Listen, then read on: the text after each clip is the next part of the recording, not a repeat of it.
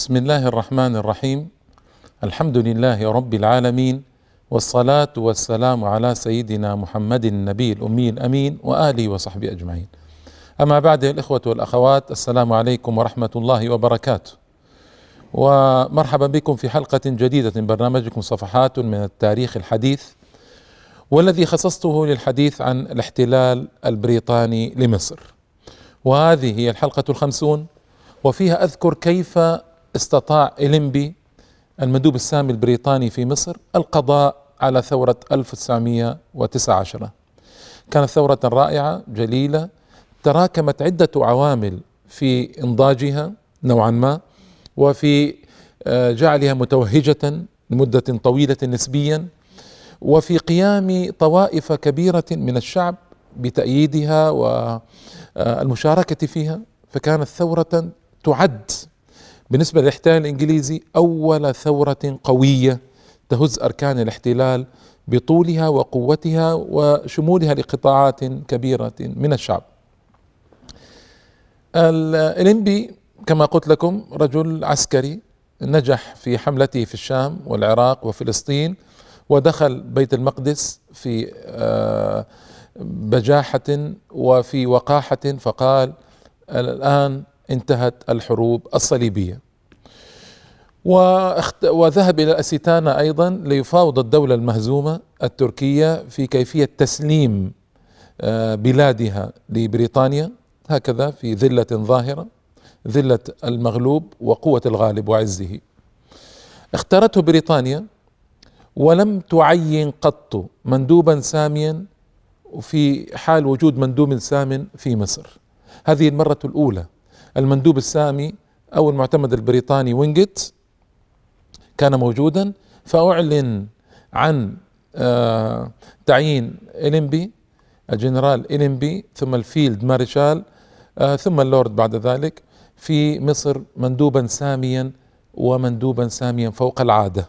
كلمة فوق العادة لم تعطى لمندوب قبله.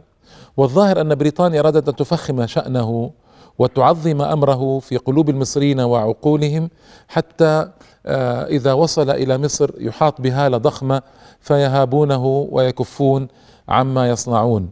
هذا هو الظاهر وإلا مندوب سامي فوق العادة لم تطلق إلا على الانبي فيما أعلم. ثم إنه هو الوحيد الذي جمع له بين رئاسة الجيوش البريطانية في مصر وبين المندوبية هذا أن يكون مندوبا ساميا. قبله هناك كان مندوب سامي وكان هناك رئيس أو جنرال مشرف على أو يرأس القوات البريطانية في مصر. جمع له المنصبان لأول مرة أيضا. وكل هذا يدل بوضوح على أن بريطانيا قررت أن آه، تأتي برجل قوي في مصر لكي يحل هذه المشكلة ثورة 1919 وبالمناسبة لم يكن لدى بريطانيا اسم أكبر ولا أقوى تاثيرا من إلينبي كان أكبر اسم وأقوى اسم موجود عند البريطانيين فأرسلوه إلى مصر لكي يحل المشكلة وهذا يدلنا على مدى عمق وقوة ثورة 1919 وأن البريطاني كانوا حائرين في شأنها. في الحقيقة هو رجل أيضا فظ عسكري ليس سياسيا بالمعنى المفهوم والمعروف. وليس قادرا على إدارة كفة أو إدارة دفة السياسة في مصر بشكل جيد. وطبعا يدل على هذا أنه سرعان ما عاد إلى مصر ما يعني جلس مدة قصيرة نسبيا قرابة ست سنوات ست سنوات هي في مصر وعاد ما استطاع أن يتواءم مع السياسة المصرية آنذاك. كرومر مثلا جلس ربع قرن. ظل ربع قرن في مصر. مع اختلاف الوقت واختلاف الأحوال والظروف كما يقولون لكن مدة طويلة بمقارنة بما آه، بقى فيه آه، إليمبي في مصر. كان هو ومكمهون وكيتشنر ووينجت كانوا الوحيدين من ضمن المعتمدين البريطانيين الذين كانوا عسكريين. وكان هو وكيتشنر وينجت عسكريين عاملين أثناء اختيارهم مندوبين ساميين. أما آه، مكمهون كان كان قد آه، تقاعد. آه، هنا ماذا صنع؟ حتى يغير الموازين غير في المناصب الحكومية. والتغيير المناصب لا يعني شيء لم تغير السياسات لكنه يعلم أنه يخاطب قوما عاطفيين. المصريون وكل العرب وكثير من المسلمين قوم عاطفيون. آه، ينطلي عليهم الخداع والكلام بسهولة غير الأشخاص. ما غير سياسة المناصب إنما غير المناصب. لكن كان هناك تغيير واحد محمود حمده له المصريون وأرادوه منذ زمن طويل ما استطاعوه هو تغيير دنلوب دنلوب ذلك القسيس الإنجليزي الذي وضع في نظارة المعارف أو وزارة المعارف كان يسمى نظارة المعارف منذ عهد كرومر. عندما غيره إلينبي كان له أكثر من آه، أو قرابة 20 سنة في مصر و أو أكثر من 20 سنة بقليل. وكان له في النظارة قرابة آه، ثلاثة عشرة سنة. لكن لما غير حمد ذلك التغيير المصريون وفرحوا به. لأن رجل قسيس له رسالة له هدف أن يغير من دين المصريين وعقيدة المصريين وأن يزعزع آه، ثقتهم بالله تعالى وثقتهم بدينهم وعمل على ذلك طويلا. وتحدثت عنه في حلقة ماضية فلا أعيد لكن كان ذلك التغيير تغييرا آه، جيدا في الجملة يعني. آه، أما دار المندوبية ما غير فيها شيئا ما كان هناك داع. صدر بلاغ رسمي بتخويل جميع السلطات العسكرية والسياسية. أي تجمع تجمع عادة المندوب السامي ورئيس القوات البريطانية فقد كان يجمع بينهما. آه طبعا منذ أن جاء أكد تأكيدا تاما على أن مصر تحت الحماية الإنجليزية وليس له أي كلام في هذا. فإن هذا آه آه رغبة الحكومة البريطانية وأنا لا أستطيع أن أغير فيها شيئا. إنما جئت هنا من أجل استتباب الأمن وقمع الثورة وتأكيد الحماية. إذا رجل استخرابي في افكاره واهدافه مما يسمونه استعماريا يعني ورجل آه، صاحب قبضة حديدية كما سيأتي إن شاء الله تعالى. آه، اتبع سياسة العصا والجزرة كما يقولون فيضرب بعصاه إذا احتاج الأمر ويلين في مواقف أخرى كعادة هؤلاء الاستخرابيين الذين أذلوا العباد وساسوا البلاد بطريقتهم كما عرفنا. وعمل لجان ودرس الأوضاع وحاول أن يصل إلى شيء من أجل إيقاف هذه الثورة. تقابل مع أصحاب الشأن والوجاهات في مصر وكبار السياسيين في مصر تقابل معهم قدموا له تقريرا وصفا الاحداث وأسبابها رآه مقنعا أرسله إلى لندن. آه، كان يرى طبعا أن وينجت رفض سفر الوفد المعتمد البريطاني السابق رفض سفر الوفد إلى باريس في مؤتمر الصلح ليشارك ويعرض قضية مصر. ورفض سفر سعد زغلول واصحابه إلى بريطانيا لكي يشرحوا للندن القضية. رفض وينجت رفضا باتا رفض هذا بناء ما كان مقتنعا وينجت بالسفر لكن الرفض من الحكومة البريطانية. هنا اليمبي دخل بثقله وأشار الحكومة البريطانية أن تسمح لهم بالسفر. كان سعد والمجموعة هذه سعد زغلول ومجموعته كانوا في مالطا منفيين فبعد مفاوضات طويلة مع بريطانيا جاء الإذن جاء الإذن بالذهاب. فذهب من يصحبهم من مالطا إلى لندن لكي يشرحوا القضية. لكن ما ذهبوا انتبهوا إلا بعد أمرين اثنين مهمين. هو انتزعت بريطانيا الاعتراف بالحماية على مصر من حلفائها في الحرب العالمية الأولى. فليذهب الوفد أينما ذهب فإنهم لن يغيروا شيئا. فالدول دول الحلفاء اعترفت لمصر بالحماية فهذا لن يغير من أمر شيئا. والأمر الثاني ألا يستقبل سعد زغلول في أي مكان بصفته الرسمية إنما يستقبل على أنه مصري ذو مكانة. يخترعون الألفاظ هؤلاء البريطانيون اختراعا عجيبا. يستقبل على أنه مصري ذو مكانة يريد أن يبحث في مصلحة وطنه لكن لا يستقبل استقبالا رسميا في هذا الباب وهذا الشأن. من حاولت الوزارة في مصر أن تعدل هذا الشرط وثار الناس في مصر هذا الشرط لكن الانبي أصر على موقفه فما استطاعوا أن يصنعوا شيئا أي أن الوفد لا يحمل صفة رسمية. فلا يستطيع المفاوضة ولا يستطيع الدخول في معاهدات ولا يستطيع الدخول في شيء طبعا وفد غير رسمي. هذا هو. و طبعا هنا اشتعلت المظاهرات من جديد وعمت القاهرة واسكندرية وعددا من المدن الأخرى و و و استخدم العصا كعادته رجل عسكري استخدم عصاه. فماذا صنع إليمبي آه، استخدم أشد إجراءات القمع. انظروا لحقوق الإنسان وكيف يعني تراعى حقوق الإنسان لكن هؤلاء كما قلت كذب فجر. يتاجرون بالشعوب ومصائر الشعوب واستقلال الشعوب ويقولون حقوق الإنسان إذا وافق هواهم ذلك يطبقونه إذا خالف هواهم ومصالحهم فلا مجال لأي حقوق للإنسان كما رأينا في العراق وفلسطين. آه طبعا آه لندن لما أرسلت الامبي زودته بضرورة الشدة المتناهية استعمال الشدة المتناهية. انظروا. وفعلا استخدم إجراءات القمع الشديدة وأتى بالصحفيين وأجبرهم على عدم الكتابة والاعتراض في الصحف وإلا ستغلق الصحف وتكمم وحذرهم من التعرض للسلطان. كان ذلك زمان سلطان فؤاد أو أحمد فؤاد. آه، والتعرض للوزراء أو مستشار الداخلية البريطاني وأنذرهم بحملة إرهاب إن صنعوا ذلك. وأرسل أعضاء لجنة الوفد المركزية أرسلهم إلى قراهم ومدنهم خارج القاهرة و يعني فرقهم وهذا يدلنا على عقلية إليمبي وكيفية آه، سياسته للناس آنذاك. آه، بريطانيا في باريس أرسلت اللورد ألفريد ميلنر كان وزير المستخربات التي تسمى مستعمرات وزير المستخربات البريطاني أرسلته في باريس يتفاوض مع سعد زغلول وجماعته لكن ما استطاعوا أن يصلوا إلى شيء مقنع في تلك المفاوضات. ما استطاعوا آه والسبب تفصيلات. بالمناسبة يا إخوة الكلام طويل وممل إلى الغاية.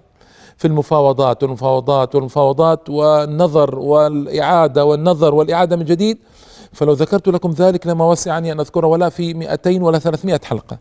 وليس من الغرض هذا التوسع الطويل إنما غرضي أن أشير ثم استخرج العبر والعظات نستفيد منها في مسيرتنا الحالية فإن ذلك تاريخ قد انقضى وانتهى وانتهى. لكن المهم هو كيف نستفيد من هذا التاريخ في تاريخنا المعاصر أو في حياتنا المعاصرة اليوم، كيف نستفيد من التاريخ القريب؟ وهو قريب جدا يعني في عمر الأجيال 90 سنة و80 سنة قريبة ما تعد شيئا في عمر الأجيال.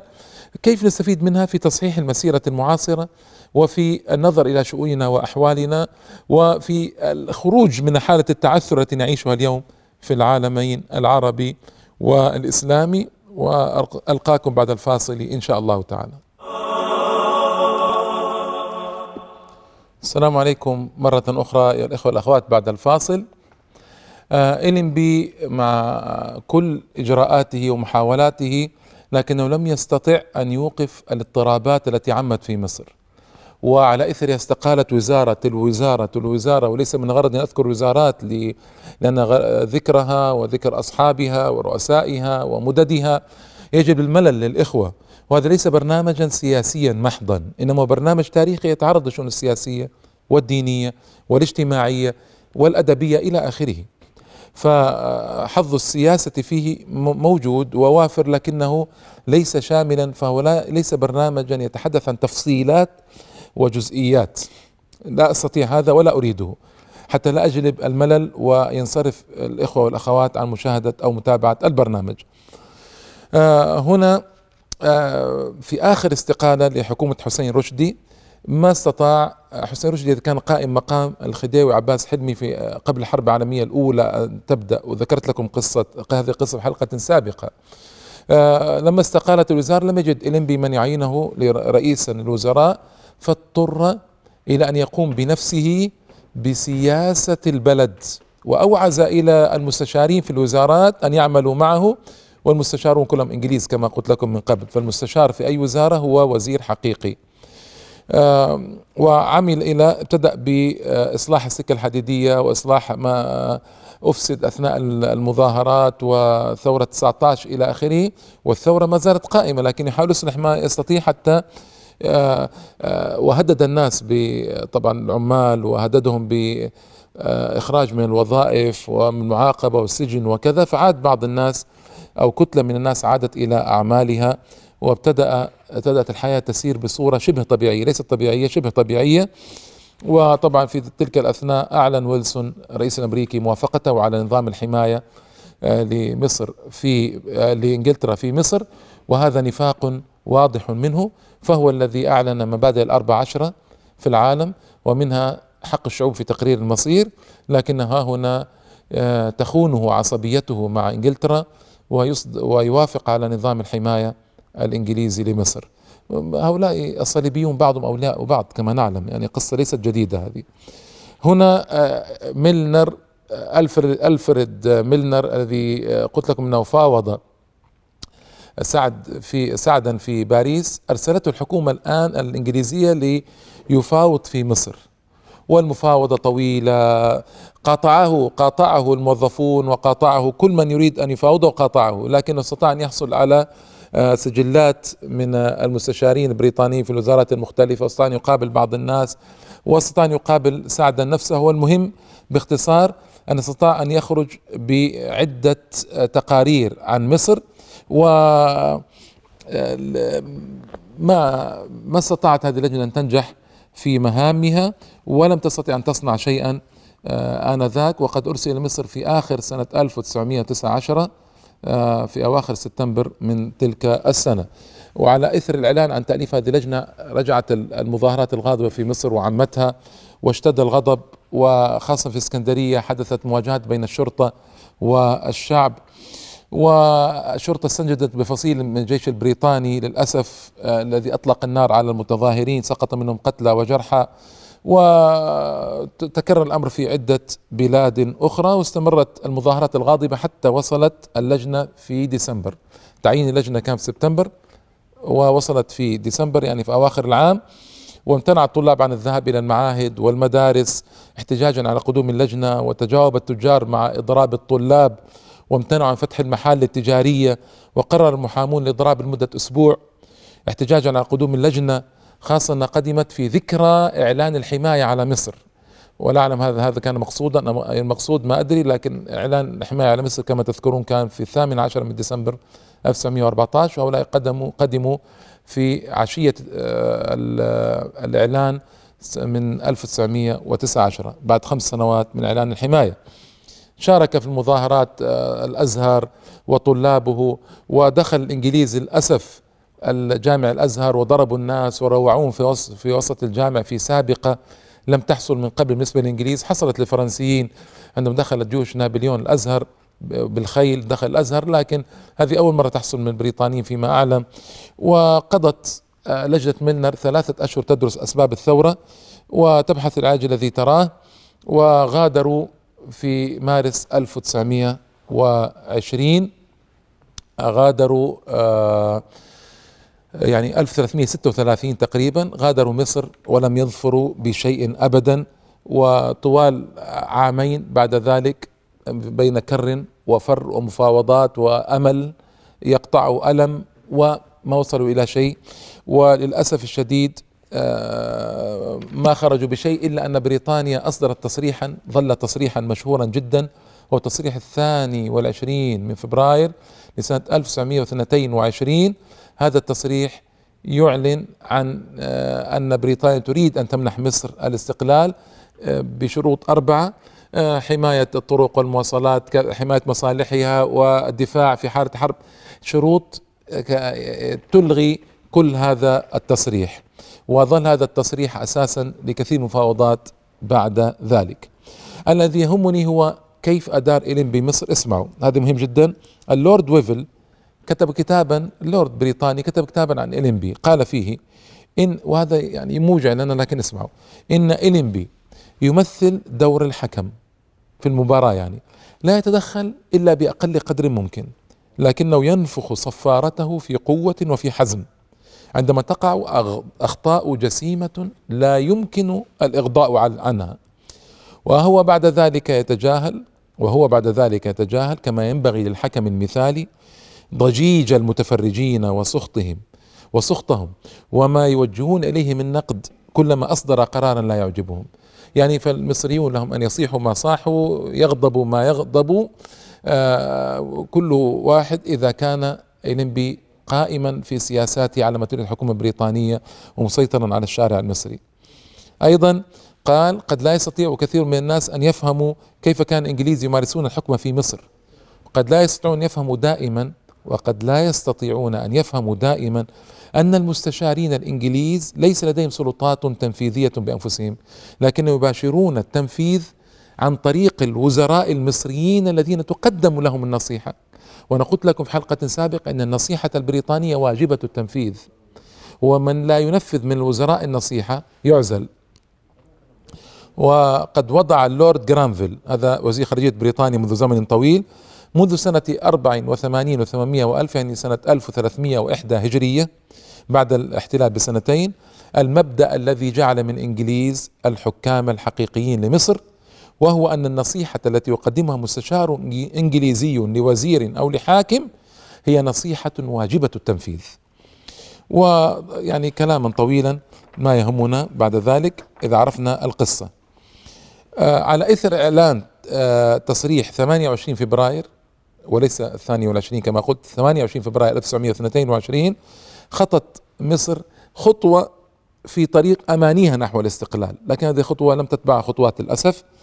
في بعد ذلك في الخامس عشر من مارس في 1922 يعني 1339 هجرية أعلن السلطان فؤاد أو أحمد فؤاد أعلن نفسه ملكا على مصر.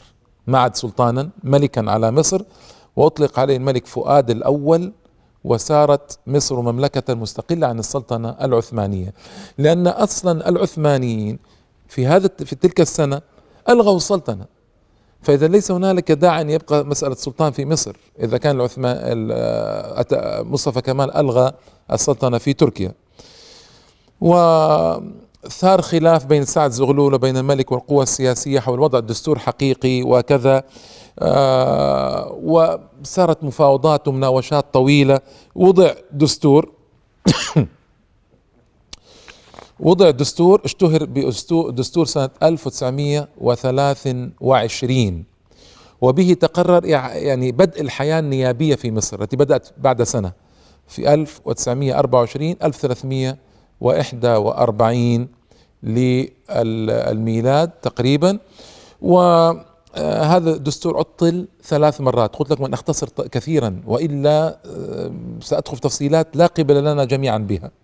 عطل الدستور ثلاث مرات ثم وضع دستور جديد سنة 1930 آه ثم سنة 1935 تحت الضغط الشعبي عادوا إلى دستور سنة 1923 يعني آه، ضغوط مختلفة أدت إلى تشكيلات مختلفة للدستور.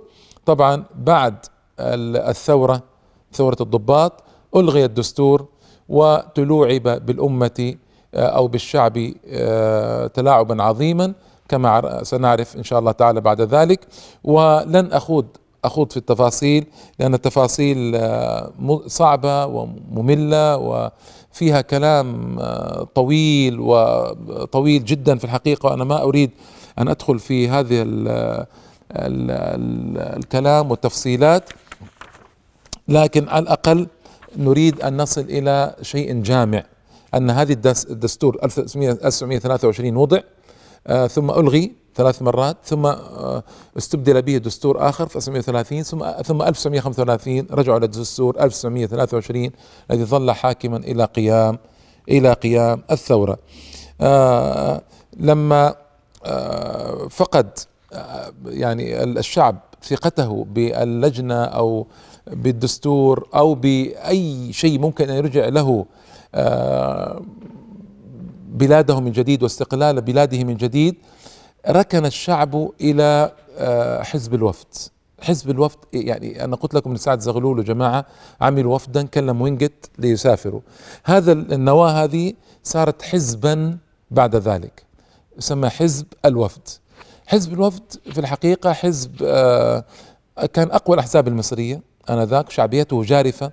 لكن للأسف ما استطاع أن يستفيد من هذه الشعبية الجارفة في قيادة الثورة ثورة 1919 أو ما تبع من حركات شعبية آه، سنة 35 وسنة 46 وإلى قيادة مصر لتحقيق الجلاء. ما استطاع الوفد أن يحقق ذلك. إلى قيام الثورة المصرية ما استطاع الوفد أن يصنع شيئا. وهذا كلام نقول يعني أكثر من كم يعني آه ثنتين وثلاثين أو ثلاث وثلاثين سنة.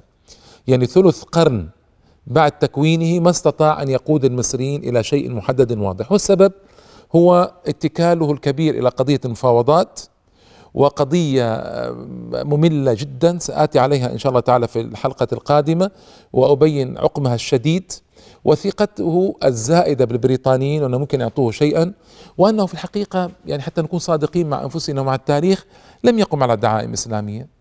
لم يقم على دعائم إسلامية ولم يقم على حركة وطنية صادقة تقوم على دعائم إسلامية قوية إنما كان حزبا علمانيا حزبا علمانيا. نعم جمع كثيرا من أفراد الشعب حوله لكنه جمع المنبهر بشيء قام ووقف في وجه الإنجليز ثم تبين بعد ذلك أن لا فائدة من ذا من هذا القيام في وجه الإنجليز. وسآتي على هذه التفصيلات إن شاء الله تعالى في الحلقة القادمة. إلى اللقاء والسلام عليكم ورحمة الله تعالى وبركاته.